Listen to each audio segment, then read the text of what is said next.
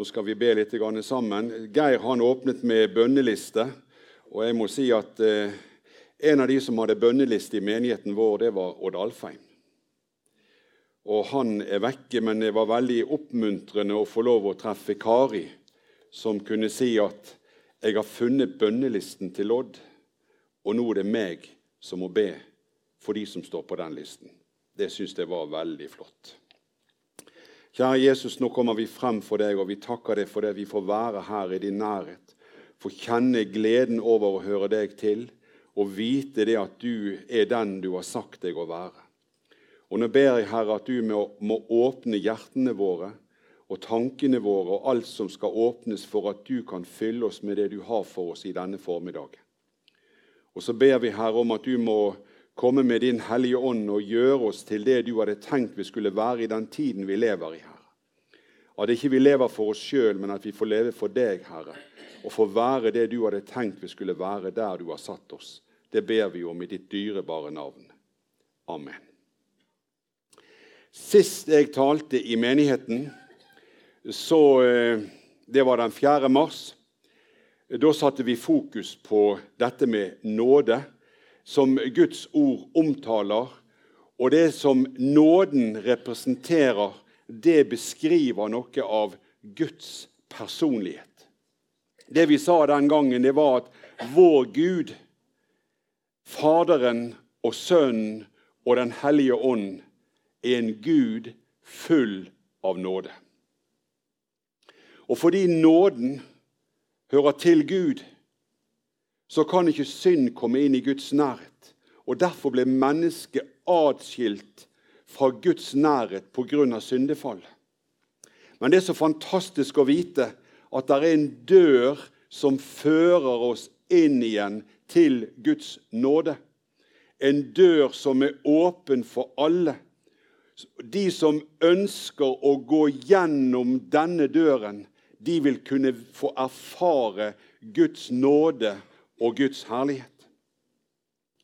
Jesus han sier om dette i Johannes 10,9.: Jeg er døren. Hvis noen går inn gjennom meg, skal han bli frelst, og han skal gå inn og ut og finne beite. Og Sist vi var sammen, så leste vi av Hans fylde har vi alle fått, og det er nåde over nåde. Jesus han inviterer oss inn, og der inne kan vi få erfare nåde over nåde. La det ordet bare få lov å synke litt inn i hjertet ditt. Tenk over det. Nåde over nåde. Og Når vi får erfare hva det innebærer i våre liv, så blir det en trang ikke bare etter å gå inn og leve i det, men det blir òg en trang etter å få gå ut gjennom døren og fortelle om det vi har opplevd, til andre mennesker. Veien frem til denne døren og vår vandring inn gjennom døren og der vår vandring ut gjennom denne døren, det handler om å gå i tro. Og hør, tro er ingen passiv aktivitet. Det er ikke noe som er passivt. Tro er en aktiv handling der vi tar et personlig valg. Vi velger å bekjenne vår tro på Jesus som vår Herre og Frelser. En handling der vi ber om at Hans blod renser bort synden som henger fast ved oss. Og når det skjer, så dør vi bort fra det livet vi har levet, og så blir vi reist opp midt i et nytt liv i Jesus Kristus, som er vår frelser. Og vet du, Det er dette den kristne dåpen handler om, og det som den kristne dåpen er et bilde på. Vi blir begravet med Kristus til døden, og vi blir reist opp med Kristus til et nytt liv sammen med Han.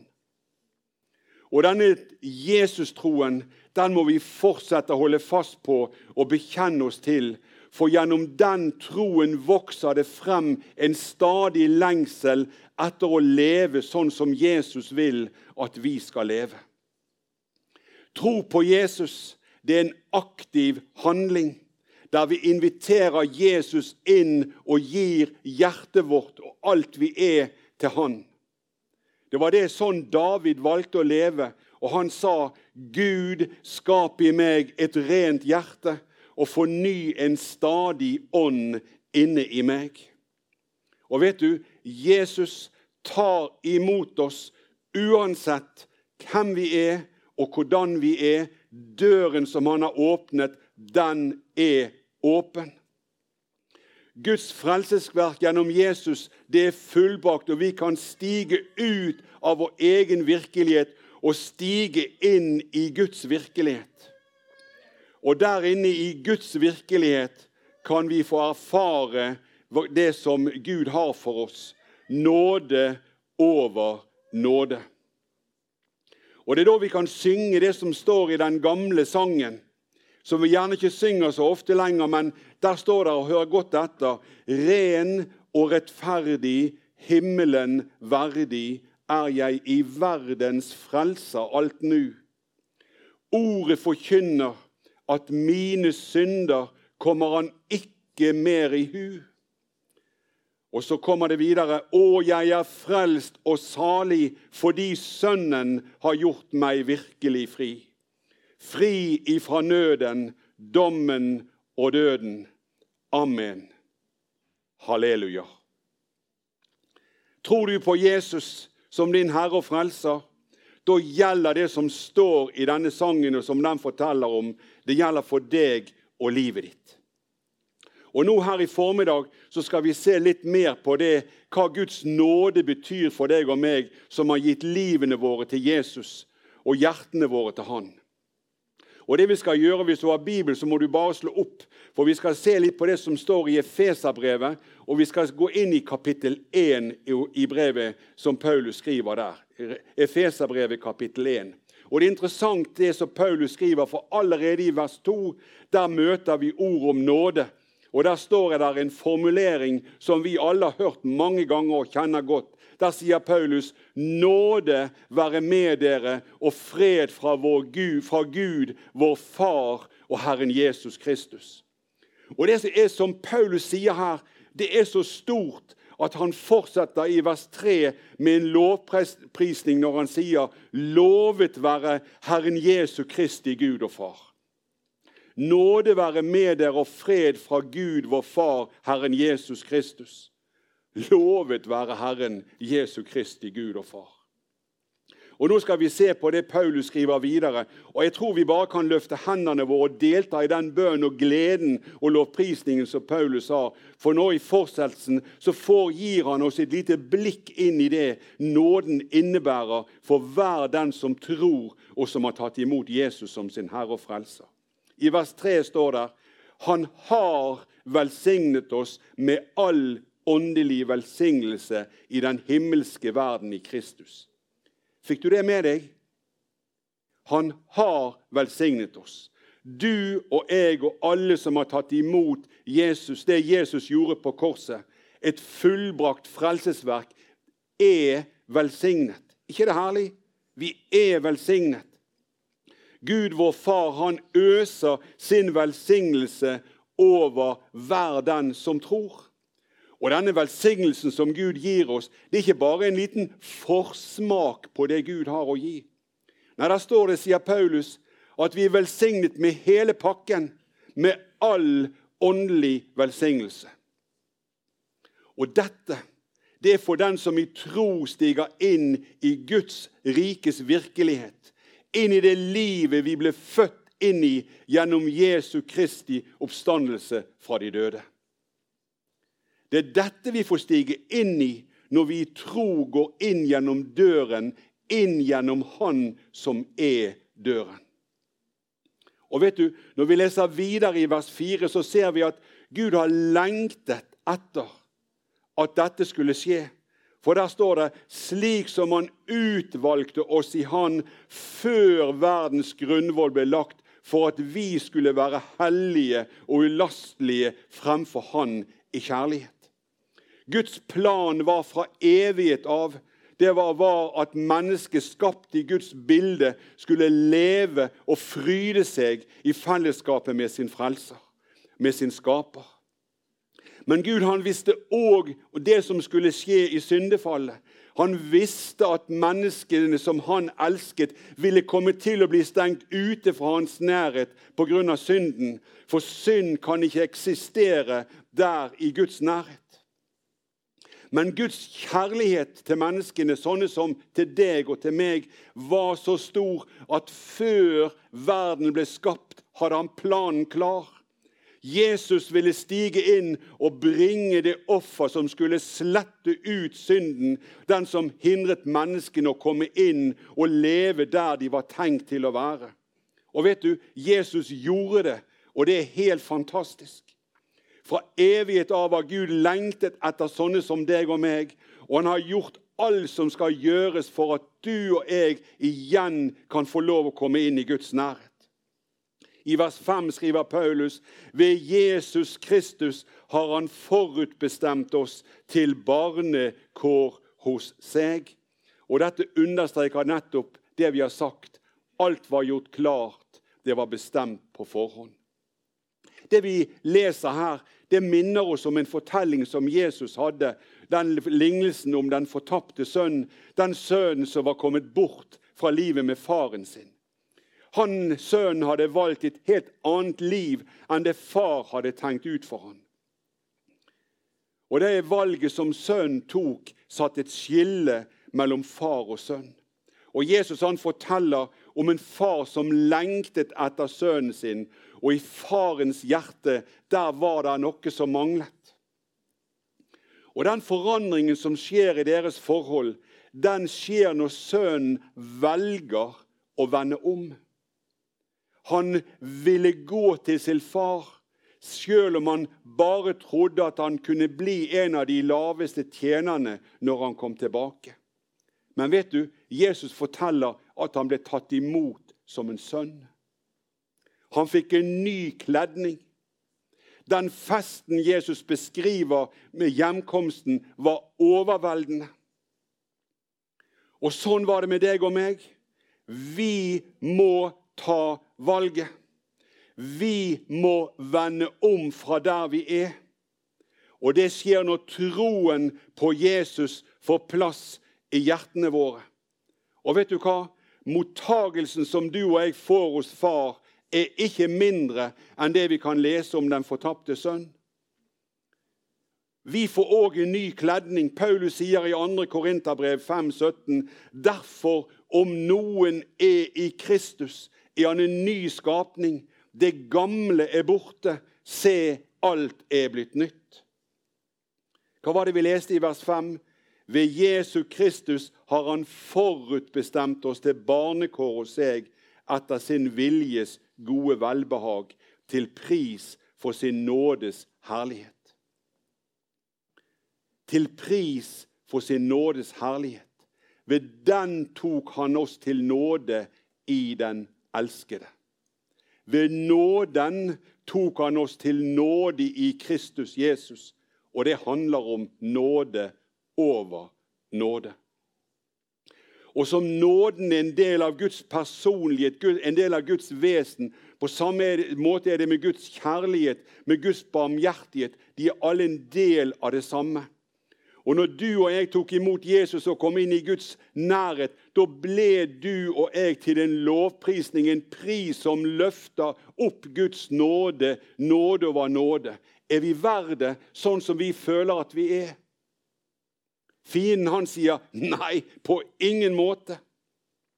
Og vi føler oss uverdig når vi tenker på hvordan vi er i oss sjøl. Men hva er det der står i vers 7? Der står det i Han har vi forløsningen ved Hans blod. Tilgivelse for overtredelsene etter Hans nådes rikdom. Halleluja.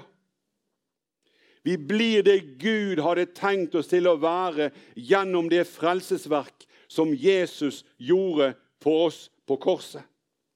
Og Det er dette Johannes beskriver i sitt første brev, i kapittel 1, 7-9, der det står Men hvis vi vandrer i lyset, slik Han sjøl er i lyset, har vi fellesskap med hverandre, og Jesu Kristi, Hans Sønns blod, renser oss fra all synd. Hvis vi sier at vi ikke har synd, bedrar vi oss sjøl, og sannheten er, oss, er ikke i oss. Men hvis vi bekjenner våre synder, er Han trofast og rettferdig, så Han tilgir oss syndene og renser oss fra all urett. Vi skal ikke se på vår egen skrøpelighet og på våre nederlag. Det vi skal gjøre, er å feste troens blikk på Han som døde for oss, og vite at Han tilgir oss både våre synder og våre nederlag. Hans blod ble utgitt for at du og jeg skulle få liv i Han. Vi må aldri glemme at gjennom hans frelsesverk er vi født på nytt til et nytt liv i Herrens nærhet. Og i det nye livet som vi skal leve i, er vi til pris for Hans nådes herlighet. Vi er gjenstand for nåde over nåde. Og Det kan vi lese videre om i de versene 8-10. Der står det denne nåde lot han komme rikelig over oss med all visdom og innsikt etter at han hadde gjort sin viljes mysterium kjent for oss, etter sitt gode velbehag som han hadde bestemt hos seg sjøl, om en husholdning som hører tidens fylde til, og sammenfatte alt i ett i Kristus, både det som er i himlene og det som er på jorden, i Han. Å lese dette det er helt fantastisk. Gud som er vår far, han øser sin nåde ut over oss. Øser ut sin barmhjertighet, øser ut sin godhet, øser ut sin kjærlighet osv. Vi har en far, en himmelsk far, som ikke holder noen ting tilbake til sine barn. Og det er dette Gud hadde tenkt oss og det er så stort at vi kan ikke forstå det med forstanden vår. Og jeg får si takk og lov for det. Men med blikket festet på Jesus så kan vi åpne hjertene våre og ta imot alt det han har for oss. Vi kan ikke forstå det, men med hjertet kan vi erfare mer og mer av hva dette betyr og innebærer for den enkelte av oss. Det er nåde over nåde. Og vet du hva? Vi har mer i vente. Og Når vi leser det som står i versene 11 og 12, så står det i ham har vi fått en arv ved at vi ble forutbestemt til det etter hans bestemte hensikt, han som utfører alle ting etter sin viljes råd. For vi som tidligere hadde satt vårt håp til Kristus, skulle være til pris for hans herlighet. Vi har fått en arv. Men hør, en arv er noe som vi får etter at den som var i besittelse av det vi arver, døde. En arv er knyttet til noens død. Om denne arven så vi at den, bli, eh, den som skulle bli mottaker, var forutbestemt til det. Arvingen var med andre ord oppført i testamentet. Den rettmessige eier av det som ble gitt som arv, førte de som skulle arve, opp i sitt testamente. Og Peter han sier noe om dette i sitt første brev. I kapittel 1 der sier han lovet være Gud over Herre Jesu Kristi Far, han som etter sin rike miskunn har gjenfødt oss til et levende håp ved Jesus Kristi oppstandelse fra de døde, til en arv som er uvisnelig, og som er oppbevart i himmelen for dere. Dere som ved Guds kraft blir bevart ved troen til den frelse som er ferdig til å bli åpenbart i den siste tid. De som vil tro på Jesus, er ikke bare døde fra det livet som der synden hersket. De er gjenfødt, født en gang til. Han som døde for oss, han som reiste Gud opp fra, han reiste Gud opp fra døden. Over han blir hver den som tar imot Jesus, reist opp fra det livet der døden hersket, og satt inn i et nytt liv. Og der i Guds virkelighet der venter en uvisnelig arv oppbevart og klar for hver den som tror. Vi ser at Gud har gjort alt ferdig. Det er gjort ferdig. Derfor er troen som bor i ditt og mitt hjerte, så utrolig viktig. For Gud vet at det står kamp om troen i ditt og mitt liv. Det har vi snakket om tidligere, og vi må alltid være klar når fienden kommer med all tvil og all negativitet. Det handler om én ting, og det er å rette blikket vårt mot Jesus. Gud som er din og min far, han har sendt sin Hellige Ånd for å hjelpe oss. Og Den hellige ånd han vil forsterke troen vår og gjøre Jesus og hans frelsesverk synlig i ditt og mitt hjerte. Derfor er det så fantastisk det som Paulus sier videre, der det står i vers 13 og 14.: I Han ble også dere, etter dere fikk høre sannhetens ord, det som er evangeliet om deres frelse. I ham ble dere beseglet med Den hellige ånd, løftes ånd, som er pantet på vår arv, inntil forløsningen av den kjøpte eiendommen, til pris for Hans herlighet.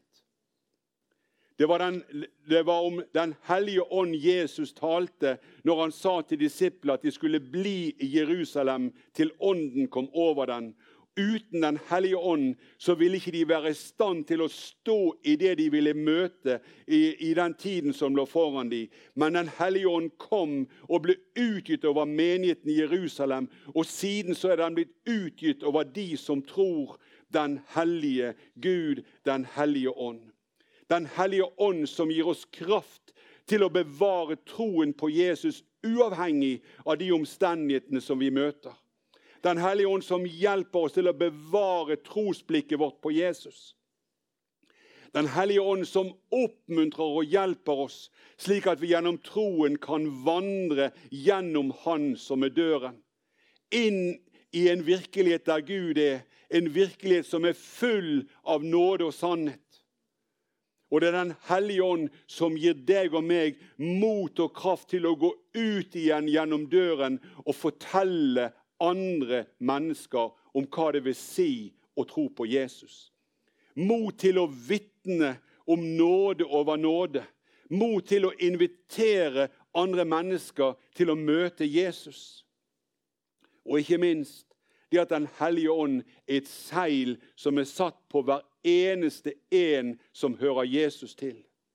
Du har sikkert sett på film mange ganger hvordan de, de i gamle dager så tok de konvolutten, og på baksiden av konvolutten der, der, smeltet de voks, og så satt de et stempel nedi denne voksen, og så var konvolutten lukket med et seil. Og det stempelet som ble satt, det hadde et navn, og det navnet hadde en autoritet.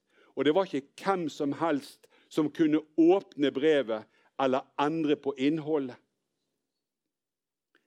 Gud har satt sitt stempel, Den hellige ånd, på hver den som tror på Jesus. Det stempelet sier at de hører Han til, og at ingen kan rive de ut av Guds hånd. ikke det herlig? I den siste delen av eh, dette kapittelet i Efeserbrevet så priser Paulus de troende for den tro de har på Jesus, og den kjærlighet de viser til hverandre. Og det han ser, og det han hører, det skaper en forbønnstjeneste hos Paulus. En vedvarende bønnetjeneste med bønn og takksigelse. Og det er vel verdt å legge merke til det Paulus ber om fra vers 17 til 19. Han sier, 'Jeg ber om at vår Herre Jesu Kristi Gud, herlighetens Far' Og hør, må gi dere visdom og åpenbaringsånd i erkjennelse av Han. Det er det første han ber om. Og at deres øyne, forstands øyne blir åpnet, slik at dere kan forstå hvilke håp dere fikk ved hans kall, og hvor rik på herlighet hans arv er blant de hellige. Og forstå hvor overveldende stor hans kraft er for oss som tror, etter virkningen av hans mektige kraft. Det er tre elementer som løftes frem. For det første at de må bli fylt av Den, ånd, av den hellige ånd, slik at de bevarer blikket på Jesus og det Jesus har for hver enkelt av dem. Og for det andre at de virkelig øynene må bli åpne, så de kan se og forstå hva Gud har gjort ferdig for hver den som tror på Jesus. Og få se den rikdom og den herlighet som venter den som tror. For i Guds nærhet, der er det nåde over nåde. Og at de må lære å stole på den kraft Den hellige ånd representerer, både i og gjennom den som tror. Hvis vi setter dette inn i vår virkelighet, så kunne det være omtrent sånn på denne måten at Paulus ville si jeg ber om at de som hører til i Arna misjonskirke, må bli fylt av Den hellige ånd, slik at de i alle omstendigheter bevarer blikket på Jesus, hvem han er, og hva han betyr for den enkelte av dem.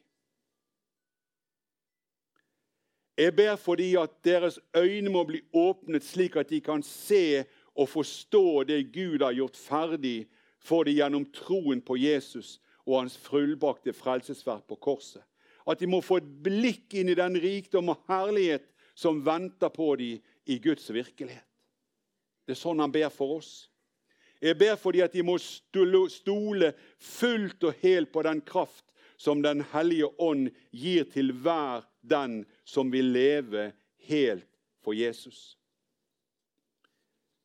En fantastisk forbundstjeneste som vi trenger å minne hverandre om, og vi be, som vi kan be for hverandre om igjen og om igjen. Paulus kunne ikke holde opp med å be for dem.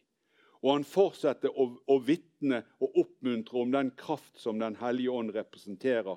Vi skal bare lese, lese vers 20 og 23 nå, nå, i avslutningen. Det var, han, det var den han lot virke i Kristus da han reiste ham opp fra de døde og satte seg ham ved sin høyre hånd i den himmelske verden. Høyt over all myndighet og makt og kraft og herredømme, og over hvert navn som nevnes, ikke bare i denne tidsalder, men også i den kommende. Og han lot alle ting, la alle ting under hans føtter og ga han til menigheten som hode over alle ting. Menigheten som er hans kropp, fylden av Han som fyller alt i alle. Det er helt fantastisk å få høre Jesus til. Er vi klar over det? Det er fantastisk å høre Jesus til. Å høre Jesus til, det er nåde over nåde. Hvordan vi skal avslutte å sitte ord på det, vet jeg ikke. Men jeg har lyst til at vi skal slutte med å lese det som står i Salme 23, der vi kan eh, sitte ord på det sammen på den måten. Og Nå skal du bare lende det tilbake, og så skal du eh, la det som står i salmen, få lov å sige inn og fylle hjertet ditt. Hør på dette og la ha ordet 'nåde over nåde' som overskrift. Der står det 'Herren er min hyrde. Jeg mangler ingenting'. Han lar meg ligge på grønne enger. Han leder meg til hvilens vann. Han fornyer min sjel. Han leder meg på rettferdighetsstier for sitt navns skyld. Ja, selv om jeg skulle vandre gjennom dødsskyggens dal, frykter jeg ikke for noe vondt, for du er med meg. Din kjepp og din stav, de trøster meg. Du dekker bord for meg fremfor mine fiender. Du salver mitt hode med olje, mitt beger flyter over. Sannelig, bare godhet og miskunnhet skal etterjage meg alle mitt livs dager, og jeg skal bo i Herrens hus til evig tid. Det er fantastisk å få høre Jesus til. Og av hans fylde har vi alle fått nåde over nåde. Og jeg får lov å si når vi nå slutter av Hvis du føler at du ikke har fått del i dette, døren er åpen. Gå igjen, ta imot Jesus, og la han få lede deg inn i Det aller helligste rommet der du kan få kjenne hvem han er for deg i dag. Kjære Jesus, jeg takker deg fordi vi skulle få lov å dele disse ordene. Takk for det at eh, det taler sannhet om deg, Herre. Du er nåde over nåde, og du har nåde over nåde for hver enkelt av oss. Hjelp oss at vi i enda større grad lærer å feste trosblikket vårt på deg i alle omstendigheter. Når vi kjenner det ikke alltid er like lett å leve slik som vi ønsket å gjøre det, så kan vi likevel få lov å kjenne at troen på deg bærer oss gjennom alle omstendigheter. Velsign oss i denne dagen, Herre, og i den tiden vi lever i. Hjelp oss å være mennesker som løfter opp ditt navn, og som kan fortelle andre om hvem du er. Det ber vi om Jesus. Amen.